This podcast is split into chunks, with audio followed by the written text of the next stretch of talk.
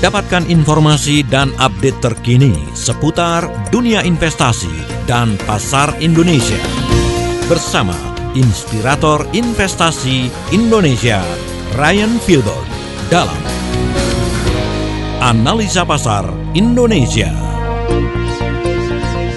Selamat sore Smart Listeners di mana pun Anda berada dan juga tentunya saya menyapa kepada sahabat Sonora Apa kabarnya Anda pada sore hari ini? Kembali lagi bersama saya Ryan Filbert Di Analisa Pasar pada hari Rabu di tanggal 22 April tahun 2020 Ya jadi kita masih dalam tema analisa pasar dalam work from home dan bagaimana kondisi Anda semuanya. Semoga Anda masih dalam keadaan yang selalu sehat dan tentunya bisa memiliki pandangan yang positif karena dalam perekonomian pada saat ini masih banyak berita-berita yang cenderung negatif dan mungkin ya sama juga dengan berita-berita terkait dengan coronavirus sendiri yang masih uh, masih belum ada obatnya, lalu ada penyebaran yang masih berlanjut. Nah, untuk awal dari analisa pasar seperti biasa, saya akan kembali memberikan review terkait dengan pergerakan selama satu minggu dari akhir pertemuan kita di minggu lalu bahwa untuk hari ini, indeks harga saham gabungan berhasil mengalami kenaikan di level 4.567 penutupannya dan mengalami penguatan sebesar 1,46 persen pada perdagangan hari ini. Kalau satu minggunya, indeks harga saham gabungan dalam kondisi mengalami koreksi sebesar 1,26 persen dan indeks harga saham gabungan mulai meninggalkan titik tertingginya yang ada pada tanggal 7 April uh, untuk satu bulan ya tentunya ya ini titik tertinggi satu bulan yaitu pada level 4975 dan mulai bergerak datar. Nah, jadi kalau misalnya ada yang bertanya juga uh, mengapa hal ini bisa terjadi sebenarnya pergerakan indeks harga saham gabungan transaksinya cenderung mengalami penurunan sudah mengalami penurunan dari bulan Juli 2019 turun turun turun turun terus dan titik terendah dari volume perdagangan kita selama satu bulan ada pada bulan Februari. Jadi eh, ketika volume perdagangannya kecil tapi eh, tetap adanya transaksi maka kemungkinan besar rentang pergerakan antara naik dan turunnya bisa saja sangat jauh. Jadi seperti yang saya sudah informasikan sebelumnya, kalau Anda juga bertanya-tanya bahwa kenapa kok hari ini naik turun satu persen kok kayaknya gampang banget. Iya karena volume transaksi dan yang mengecil ini akan berimpact kepada volatilitas harga yang tiba-tiba naik secara cepat dan juga turun dengan cepat juga. Jadi itu adalah salah satu catatan. Nah jadi kalau kita mau bergeser, mari kita bahas sedikit dari nilai tukar bahwa nilai tukar kita pada hari ini pada ada pada level 15.450. Kita sudah meninggalkan areal 15.640 yang mana sebagai titik tertinggi ada pada level itu di tanggal 16 April 2020 dan titik terendah kita ada pada tanggal 20 April 2020 pada minggu ini. Secara satu bulan sebenarnya kita lumayan loh sudah mengalami penguatan dari nilai tukar dolar yaitu e, mengalami penurunan 6,36 persen. Jadi artinya rupiahnya mengalami penguatan. Nah kalau kita bergeser dari nilai pergerakan harga emas pada saat ini emas kembali rebound di level 1700 1701.86 US dollar per troy ounce di mana pada perdagangan kemarin sempat terkoreksi cukup jauh sampai dengan titik terendah di level 1659 dan untuk pergerakan harga digital asset yaitu cryptocurrency Bitcoin ini berada pada level 7020 dolar per satu Bitcoin dan ini masih berada pada kisaran support. Jadi di minggu lalu ketika kita siaran ada di support dan pada hari ini ketika kita siaran juga ada pada support. Nah, ada banyak hal-hal menarik sepanjang satu minggu ini yang tentunya bisa menjadi bahan diskusi kita, bahan sharing kita di sore hari ini ya. Yang pertama kita semua tahu bahwa ada namanya eh, kartu prakerja yang diluncurkan dan ternyata mulai ramai dari eh, sebelum setelah hari Rabu minggu lalu sebelum siaran ini itu ya ada juga dari staf susnya presiden mengeluarkan surat yang merujuk kepada salah satu aplikasi. Lalu aplikasi yang pada saat ini menerima uh, tanda kutip proyekan daripada uh, kartu prakerja ini juga um, kembali disoroti karena ternyata mayoritas kepemilikannya asing apa yang bisa kita uh, pelajari dan apa yang kita sampaikan adalah saya kebetulan memang juga pemilik dari perusahaan berbasis uh, startup berbasis teknologi dan di financial technology. Dalam mengembangkan sebuah sistem itu membutuhkan modal yang tidak murah. Kenapa? Karena mengembangkan sebuah sistem yang dari nol kita membutuhkan full stack developer dan juga tim IT yang lengkap. Mulai dari pembuatan front end-nya yaitu yang Anda klik-klik itu sebagai front end dan back end itu adalah belakangnya yang itu membutuhkan waktu yang lama dan juga riset bagaimana caranya agar sebuah sistem bisa dipakai oleh orang lain. Artinya, dalam mengembangkan sistem itu dibutuhkan investasi yang besar. Dan apakah pertanyaannya banyak orang Indonesia yang berpikir mau berinvestasi pada suatu hal yang tanda kutip belum jelas? Ya pada pada awalnya segala sesuatu kan tidak jelas, betul. Sebagai, mulai dengan sebuah ide, ide itu lalu di digambarkan, dibuatkan sebuah bisnis e, bisnis prosesnya, dibuat sebagai sebuah pitching desk namanya juga. Maka itu adalah suatu skema yang panjang. Dan bila pada akhirnya orang Indonesia yang mau mengembangkan sistem sebuah ide yang baik bagi negara kita dan ternyata tidak bisa mendapatkan investasi dari orang dalam negeri lokal karena pinginnya adalah investasi hanya 3-4 bulan lalu jadi meledak jadi bertriliun-triliun, ya tentunya akan mencari permodalan dari luar negeri.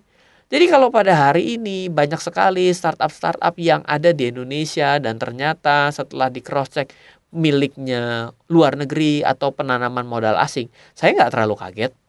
Dan kalau pada hari ini disoroti da, karena digunakan, ya bagaimana caranya ketika hari ini terjadi kita tidak memiliki alat untuk kita gunakan, kita sebarkan pada saat ini kita tidak bisa melakukan pelatihan secara langsung kan pada akhirnya kita harus mengakses sebuah learning management system kan yang disebut dengan micro learning. Jadi saya nggak terlalu kaget ketika ada rame bahwa banyak sekali perusahaan-perusahaan startup ini yang digunakan untuk melakukan distribusi ini ternyata bagian daripada perusahaan asing dan juga dari Singapura dan lain sebagainya. Lalu kita tiba-tiba hari ini seperti seorang yang begitu amat nasionalis untuk membela kenapa tidak menggunakan platform dalam negeri ya karena jawabannya untuk mereka bisa sampai sebesar itu ya mereka pasti membutuhkan suntikan modal di mana ketika mereka belum jadi orang dalam negeri tidak mau menyuntikkan modal berarti kan pada sebelum kejadian hari ini ujung-ujungnya salah kita bersama nih. Jadi saya mencoba untuk bersikap netral bahwa investasi dari dalam negeri itu memang masih sangat kurang. Apalagi dengan kondisi pada saat saat ini siapa yang hari ini eh, pasti mulai kekhawatiran lah. Jangankan mau berpikir investment, mau melakukan strukturisasi ulang restrukturisasi terhadap keuangannya yang acak-acakan pada hari ini pun masih banyak yang melakukan itu gitu loh. Bagaimana, bagaimana mungkin langsung akan berpikir investasi yang berpuluh-puluh tahun baru menghasilkan. Ini kan karena baru kejadian e, coronanya maka tiba-tiba menjadi sangat e, mendapat sorotan gitu ya. Tapi ketika hari ini belum ada, kita belum mau berinvestasi ya. Berarti sebenarnya salahnya itu ya dari berbagai macam pihak bila hari ini terjadi dan harus menggunakan platform rasa luar negeri ya karena kita pada saat itu belum ada, kita tidak mau berinvestasi. Iya, kira-kira itu yang menjadi pesan di sesi pertama. Semoga bisa memberikan suatu eh, pandangan. Saya juga tidak berusaha untuk membenarkan dan menyalahkan, namun saya juga berpikir kita sebelum menunjuk salah kepada orang lain. Saya selalu mengatakan hati-hati ketika satu telunjuk menunjuk kepada orang lain, ada tiga, tiga, tiga dari jari kita menunjuk ke diri kita sendiri. Oke, kita akan lanjut pada Sesi kedua dan sesi selanjutnya tentunya dengan berbagai macam informasi misalnya adalah kontrak minyak yang negatif.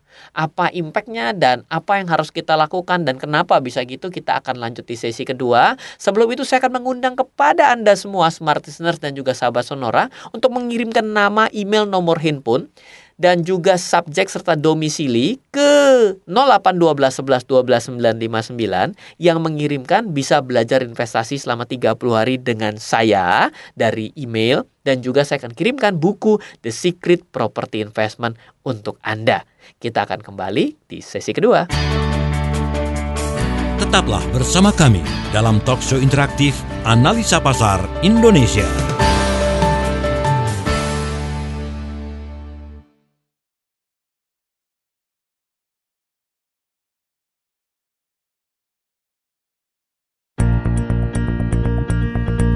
Kembali Anda ikuti talk show interaktif bersama Ryan Filbert dalam Analisa Pasar Indonesia. Selamat bergabung kembali kepada Anda smart listeners dan juga sahabat Sonora yang mungkin baru saja bergabung. Anda dalam analisa pasar pada hari Rabu dan setiap hari Rabu masih bersama saya Ryan Filbert. Dan di sesi pertama tadi kita sudah sempat ngobrol-ngobrol tentunya pertama adalah terkait dengan kondisi aktual dari pergerakan pasar kita mulai dari indeks harga saham gabungan, lalu juga tadi kita sudah bahas mengenai emas dan di sesi pertama tadi saya sempat membahas mengenai kartu prakerja yang juga disoroti menggunakan uh, platform-platform dan ternyata platformnya juga sedang dijadikan trending topik karena katanya dari luar negeri. Ya, karena penanaman modal asing karena diinvestasikan oleh orang luar negeri dan tentunya memberikan suatu pencerahan baru e, mengapa hal itu bisa ada dan juga menjadi suatu pesan bagi kita di kemudian hari. Nah, e, sebelum kita akan mulai kembali di sesi kedua, saya akan kembali mengingatkan kepada Anda saya membuka e, kelas sederhana sekali yaitu belajar investasi selama 30 hari. Anda bisa kirimkan nama, email, nomor handphone, subjeknya adalah analisa pasar dan juga eh, jangan lupa cantumkan kota domisili Anda. Kirimkan ke 0812 11 12 959. Sekarang juga nanti setelah acara ini akan saya kirimkan modul belajar investasi selama 30 harinya dari saya dan saya akan kirimkan buku The Secret Stock Market in The Secret Property Investment. Jadi saya punya buku The Secret itu ada dua. The Secret yang pertama ada The Secret Stock Market in the Century itu adalah salah satu buku dari 17 buku yang saya tulis mengenai investasi dan The Secret Property Investment itu adalah buku yang selalu saya uh, coba untuk bagikan kepada banyak orang agar memiliki mindset dan juga pengelolaan keuangan yang tepat dan menyikapi mengenai investasi properti secara baik dan benar. Oke, kita akan lanjut di sesi kedua dan kalau misalnya Anda mencermati harga kontrak um, minyak, oh, kontrak oil, kontrak ya oil ya oil oil apa namanya tuh uh, minyak bumi ya. Itu uh, kita mendapati dalam uh, beberapa hari terakhir ini uh, harga minyak diperdagangkan di teritori negatif tepatnya mulai dari hari Selasa tanggal 21 April pergerakan harga minyak WTI kontrak pengiriman pada bulan Mei di tahun 2020 itu langsung anjlok negatif menjadi 40,32 US dollar per barrel tapi negatif. Nah, pertanyaannya justru adalah kenapa kira-kira uh, bisa seperti itu. Itu tentunya kita harus tahu bahwa naik dan turunnya harga itu biasanya diakibatkan oleh yang namanya permintaan dan penawaran. Dengan kondisi pada hari ini semua negara ya hampir seluruh negara di dunia dalam kondisi pembatasan sosial berskala besar maupun ada yang di lockdown, maka uh, minyak yang sebagai alat untuk alat bahan bakar industri dan juga bahan bakar transportasi tentunya menjadi lebih sedikit secara permintaan. Dan kalau misalnya tiba-tiba orang yang sudah kontrak lalu dia harus membayar membeli, artinya kan dia akan dikirimin minyak dalam jumlah yang banyak gitu ya. Ya, itu dampaknya adalah apa? Dampaknya adalah ya akan lebih baik menjual kontrak minyaknya dengan harga berapapun daripada harus menampung dengan kilang minyak dong. Ya, jadi memang akhirnya posisi pada hari ini seperti yang dilakukan di negara kita akan lebih bagus dengan kondisi pada saat ini yang dalam kondisi normal kita masih melakukan subsidi dan juga penggunaan untuk minyak, e, minyak juga cukup banyak secara industri maupun transportasi, ya akan lebih bagus kalau mengambil posisi untuk membeli minyak dalam kondisi hari ini. Itu adalah penjelasannya. Nah, lalu juga kalau ditanyakan penjelasannya selanjutnya adalah apa dampak dalam kehidupan kita sehari-hari, sebenarnya sih tidak ada. Kalau kita melihat bahwa pergerakan harga bahan bakar kan relatif ter terjaga ya, tidak naik, tidak turun. Berbeda dengan di Malaysia yang sudah mengalami penurunan. Kita memang relatif lebih lambat untuk merespon sesuatu gitu ya. Semoga juga bagi pemerintah kalau turun itu lambat, naik juga jangan cepet-cepet gitu. Jangan pas turun lambat, naiknya cepet. Itu namanya nggak seru juga gitu kan ya. Jadi ini menjadi suatu pesan penting juga nih bagi pemerintah kan kita-kita ini kan juga menggunakan uh, minyak ya dalam kehidupan kita sehari-hari. Nah, Selanjutnya, di bagian mana kita akan terdampak?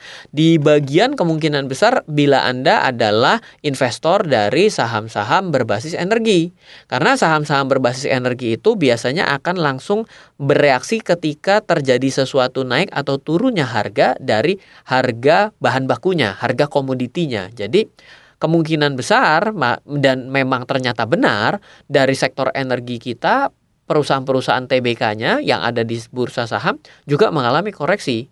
Dan penurunan di minggu ini juga tidak jauh juga karena adanya berita mengenai pertumbuhan ekonomi negatif dari dunia dan juga dari Cina itu sendiri yang juga sudah direspon oleh Ibu Sri Mulyani. Nah, mungkin itu akan menjadi uh, salah satu topik yang akan semakin menarik untuk kita perbincangkan di sesi ketiga. Nah, saya juga akan kembali mengingatkan kepada Anda, smart listeners dan juga sahabat Sonora, bila Anda berminat untuk bisa mendapatkan buku dan pelatihan selama 30 hari mengenai investasi, dan menurut saya bahwa investasi dalam kondisi apa pun selalu uh, tidak ada waktu yang salah. Memang ketika orang bilang, loh kok bisa bilang nggak salah, kan sedang turun Berarti kalau saya investasi kemarin lebih rugi dong dibanding, saya investasi hari ini secara harga benar. Tapi kalau menurut saya, kenapa saya bilang bahwa tidak pernah ada waktu yang salah dalam kita berinvestasi adalah karena ketika kita berinvestasi itu ada banyak poin yang kita ambil. Bukan hanya mengenai untung dan rugi, namun dalam pengelolaan keuangan kita, pengelolaan emosi kita, pengelolaan cara kita berpikir, cara kita berperilaku dalam bisnis, usaha, dan juga melihat opportunity. Itu menjadi sangat berbeda dalam sudut pandang seorang investor. Jadi sebenarnya ketika harga naik dan turun itu tidak perlu dikhawatirkan ketika kita sedang berinvestasi selama kita tahu apa yang kita investasikan dan selama berapa lama kita harus tetap berada di investasi dan sampai seperti apa kita harus bertahan pada sebuah investasi itu ada sebenarnya uh, guidance-nya secara sederhana.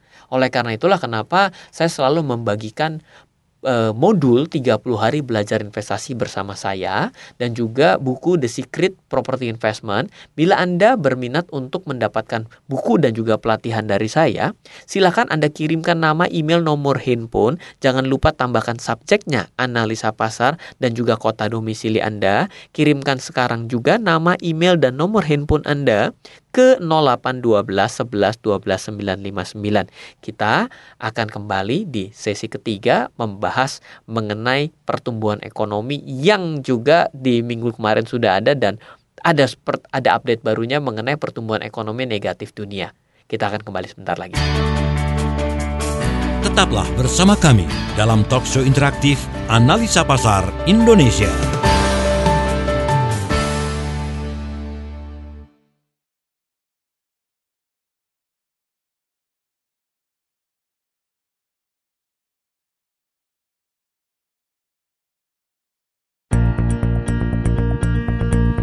Kembali Anda ikuti talk show interaktif bersama Ryan Filbert dalam Analisa Pasar Indonesia.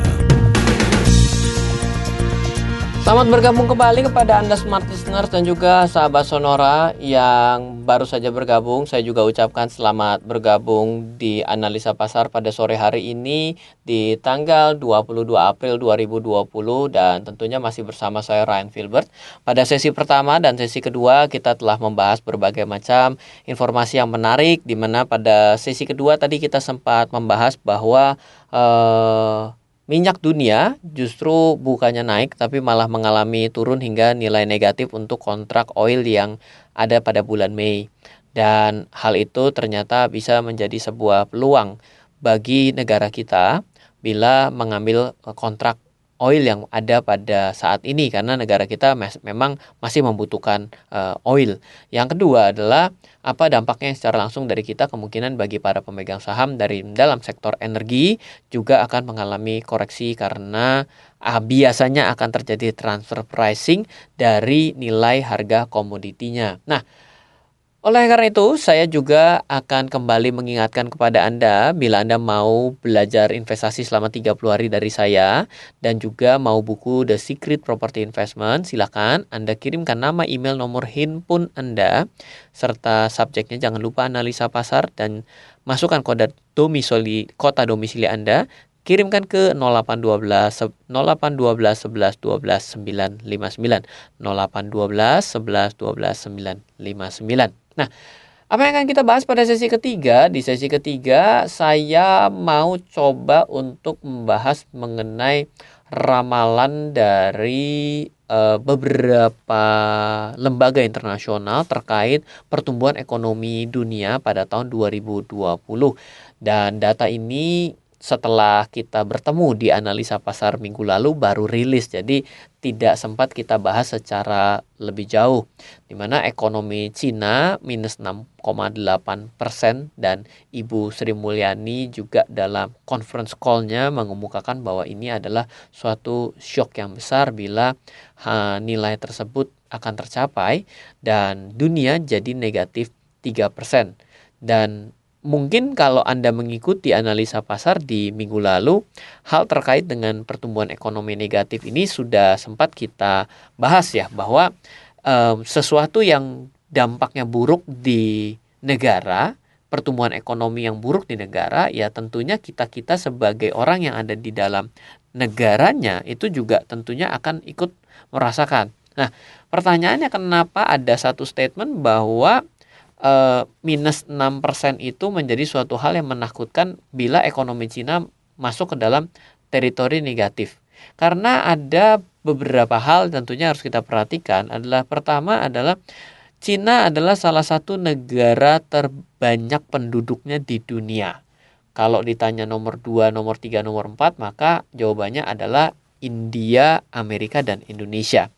Nah, impactnya adalah bila pertumbuhan ekonomi Cina akan bermasalah, di mana Cina juga biasanya melakukan produksi bukan hanya untuk dalam negerinya, tapi kepada luar negeri. Artinya juga akan terjadi demand yang turun dari tempat lain, bukan hanya Cina sendiri. Berarti 6% ini akan terakumulasi, akan dijumlahkan bukan hanya akibat dari Cinanya sendiri, tapi juga dari negara-negara lain yang e, mengambil barang yang berusaha untuk mengurangi pengambilan barangnya. Entah karena trade war kan sudah menjadi berita basi nih kalau sekarang ya. Kalau di bulan-bulan akhir di 2019 kan tiap hari ngomongnya ada trade war ya. Hari ini trade warnya berhenti sendiri karena e, ada masalah lain yaitu pandemik gitu ya. Tapi tetap saja bahwa kalau yang besar ini mengalami krisis atau yang besar ini dalam karena yang namanya pertumbuhan ekonomi lebih daripada satu tahun dan dan terbukti negatif itu benar-benar memasuki resesi dan kalau yang besarnya resesi itu ibaratnya uh, induknya ataupun uh, yang memang sangat berpengaruh resesi itu justru biasanya akan berdampak besar kepada uh, banyak pihak dan juga tentunya seperti negara berkembang seperti Indonesia. Nah, kalau kita tanya-tanya lebih jauh, terus apa manfaatnya dengan kita tahu kondisi seperti itu? Uh, kita kan tetap pada akhirnya harus hidup kan. Kita telah membahas beberapa hal yang menarik juga di sebelumnya siaran kali ini. Kita sempat membahas mengenai ultra saving power baterai. Karena apa? Karena kita tidak pernah tahu sampai kapan kita berada dalam kondisi seperti ini. Yang kedua adalah kita juga sudah membahas bahwa kita harus masuk ke dalam dua tren baru yang mau tidak mau hari ini ada, yaitu orang menjadi go digital, menjadi lebih melek digital lagi dari dibandingkan sebelumnya. Yang kedua adalah orang akhirnya mengetahui bahwa ada sektor-sektor yang lebih defensif lagi, contohnya orang juga lebih memperhatikan mengenai kesehatan. Pada akhirnya sektor kesehatan saja sudah menjadi salah satu sektor yang defensif. Artinya dalam keadaan apa pun orang tetap dituntut untuk bisa sehat dan ingin sehat. Dan dengan hari-hari ini, coba saja Anda lihat bahwa ternyata semua orang maskeran, semua orang cuci tanganan, semua orang menggunakan hand sanitizer, meskipun itu memang anjuran pemerintah. Tapi memang sebenarnya kan kalau kita pikir-pikir lagi, ya memang kita harus hidup dengan seperti itu kan, harus menjaga kesehatan dan menghindari diri dari eh, hal-hal uh, yang memungkinkan kita sakit. Berarti healthy lifestyle. Nah, Hal seperti itulah yang menjadi counterbalik yang perlu kita pertimbangkan dalam kondisi kita sehari-hari. Di mana e, proses daripada suatu usaha, proses dari suatu nature e, nature dari suatu bisnis sebenarnya adalah menyelesaikan masalah orang lain. Jadi akan selalu ada peluang dari setiap masalah yang ada. Jadi di sesi ketiga ini dengan kita melihat pertumbuhan ekonomi negatif, kita juga akan bertanya kembali dampaknya buat kita. Oke, okay, pasti akan dirasakan dampaknya. Apalagi bila resesi dan krisisnya itu datangnya bukan dari krisis keuangan, namun krisisnya dari pandemik seperti hari ini, maka akan terasa pada seluruh bagian masyarakat. Dan artinya treatmentnya akan berbeda bukan hanya seperti yang terjadi dalam sektor keuangan. Kalau sektor keuangan itu kan hanya tinggal masalah orang-orang yang berinvestasi, orang-orang yang lebih berput memutar uangnya dalam sektor-sektor keuangan. Namun dalam keadaan sektor real yang sebenarnya, maka kita harus mengubah mindset kita. Kita harus bisa mengupgrade diri kita. Jadi saya sih tidak bisa uh, melihat semuanya selalu dalam keadaan yang negatif ya. Karena kita harus melihat dalam suatu hal yang positif dalam setiap masalah. Pertumbuhan ekonomi yang negatif akan selalu menghasilkan pemenang baru. Contoh sederhana, saya cerita. Teman saya bilang ada eh, dia supply, uh, dia selama ini mendapatkan supplier untuk botol, di mana botolnya adalah botol bawang untuk dia supply ke mana-mana. Di mana ternyata supply bawang juga masih stabil saat ini. Dan ternyata yang sulit bukan cari bawangnya, yang sulit adalah cari botolnya. Karena apa? Supplier dari botol itu men-shifting usahanya karena permintaan berlebih dari botol disinfektan. Artinya kan ini menjadi sangat eh, peka zaman ya, sangat peka terhadap tren. Apakah salah? Enggak juga, karena apa? Ya saat ini semua orang membutuhkan. Itu adalah salah satu cara untuk kita bersikap reaktif terhadap setiap hal-hal yang bisa memungkinkan kita untuk lebih baik dan bertahan dalam kondisi hari ini. Oke, kita akan lanjut di sesi keempat. Wah, ini sudah sampai dengan sesi keempat, padahal saya baru mulai panas. Kalau sudah mulai sesi ketiga adalah saatnya yang lebih panas. Oke, saya akan ingatkan kembali kepada Anda yang belum mengirimkan nama email dan nomor handphone, silahkan kirimkan nama email nomor handphone Anda sekarang juga. Saya akan memberikan modul belajar investasi selama 30 hari langsung dari saya. Dan yang kedua adalah memberikan buku The Secret Property Investment. Nanti kita akan bahas sedikit mengenai The Secret Property investment ataupun mengapa adalah properti menjadi salah satu alasannya.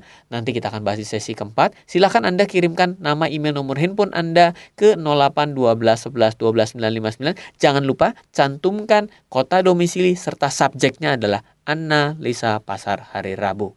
Kita akan kembali sesi keempat. Tetaplah bersama kami dalam talk show interaktif Analisa Pasar Indonesia.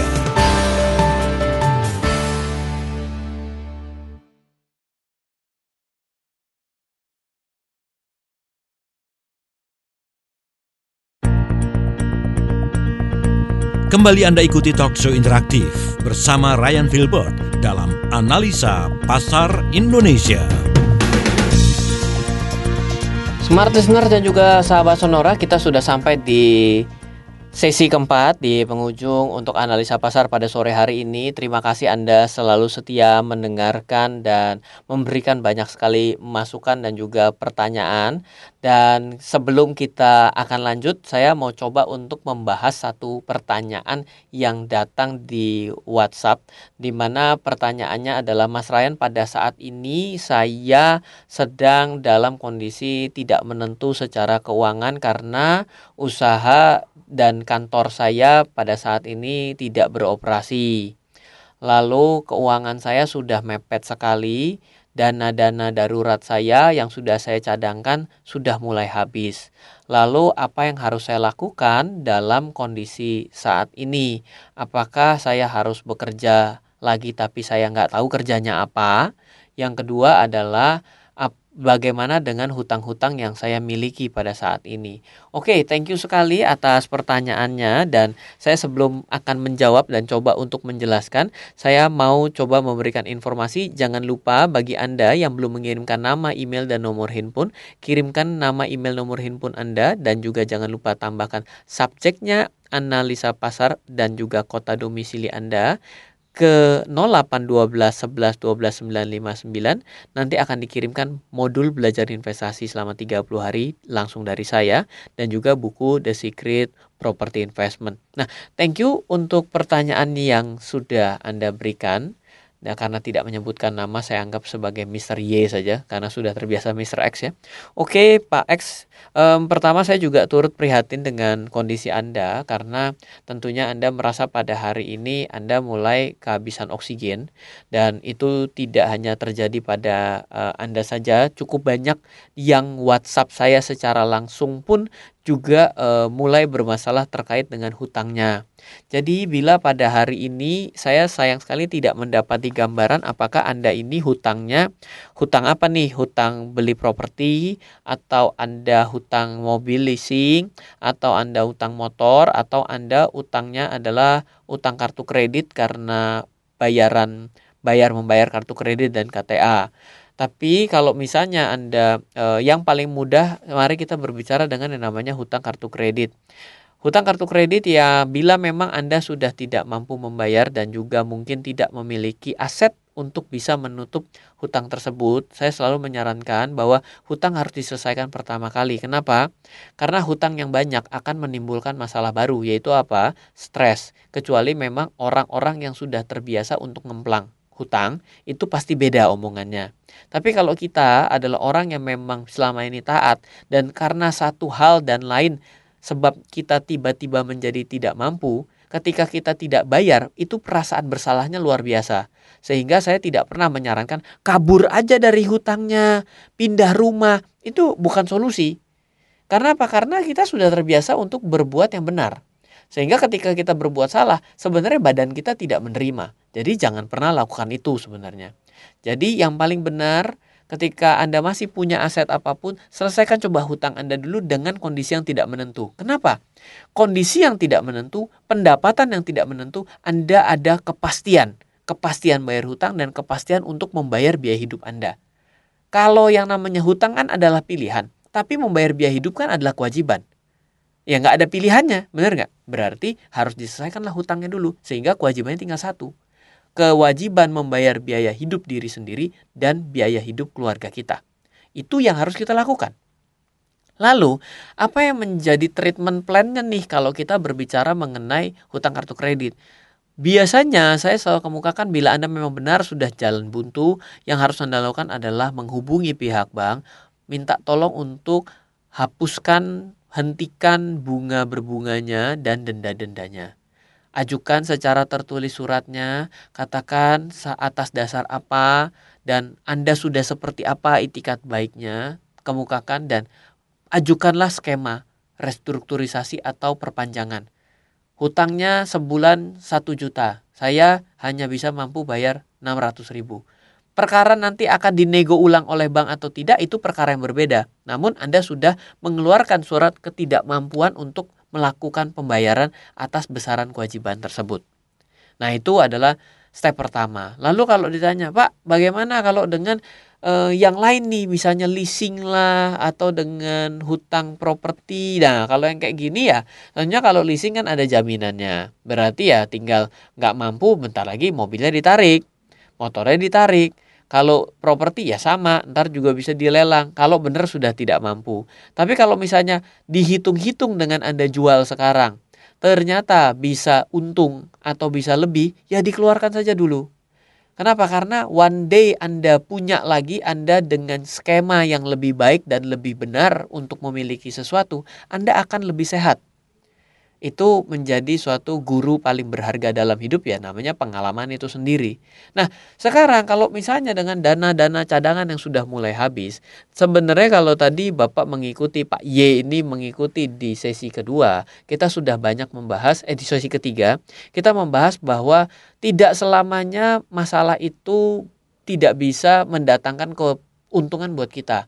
Kita harus mencari uh, namanya profit from panic suatu keuntungan dalam kepanikan. Bagaimana caranya kita mengambil sikap dalam setiap kesempatan yang ada?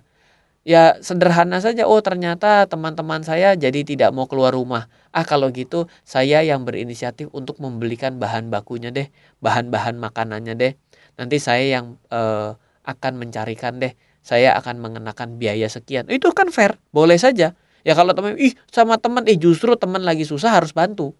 Saya kalau misalnya ada teman yang jualan barang, tidak pernah saya tawar. Kenapa? Contoh yang benar adalah sebagai seorang teman adalah dengan membantu teman lain. Jadi saya bukan harga teman lah, enggak. Karena teman, saya akan ikuti harga yang benernya. Justru bukan minta diskon. Itu benar menjadi teman. Kalau enggak kan berbeda kan. Ah, teman cuma kayak gitu, gratis aja. Nah itu bukan teman. Itu namanya emang orang yang mau nyusahin teman. Jadi bukan teman tuh jadikan musuh aja masukin masukin list gitu loh. Jadi ya mungkin dari saya seperti itu ya semoga bisa memberikan suatu jawaban ya bagi uh, Pak Y ya ini Bapak yang tidak bisa menyebutkan namanya jadi ya saya sebut dengan Pak Y semoga bisa memberikan suatu jawaban. Nah, untuk analisa pasar tentunya untuk minggu depan saya masih dalam tone-nya masih negatif, angkanya akan seperti ini dan kita akan cenderung melemah. Kenapa? Dari tanggal 16 April kemarin juga kita berada pada area resisten. Jadi kemungkinan kita masih akan melemah kalau tidak ada berita positif dan rasanya mencari berita positif dalam kondisi hari ini memang agak sulit. Stay healthy, selalu berpikir yang positif, Jangan terlalu termakan berita-berita yang tidak bisa dipertanggungjawabkan. Jadilah orang yang selalu membawa hal yang baik bagi orang lain. Itu saja dari saya untuk analisa pasar sore hari ini. Terima kasih untuk kebersamaannya. Dari saya Ryan Filbert, salam investasi untuk Indonesia. Baru saja Anda simak ulasan mengenai pasar Indonesia dan berbagai peluang di dalamnya dalam talk show Analisa Pasar Indonesia bersama inspirator investasi Indonesia Ryan Filber. Sukses untuk bisnis Anda. Terima kasih dan sampai jumpa.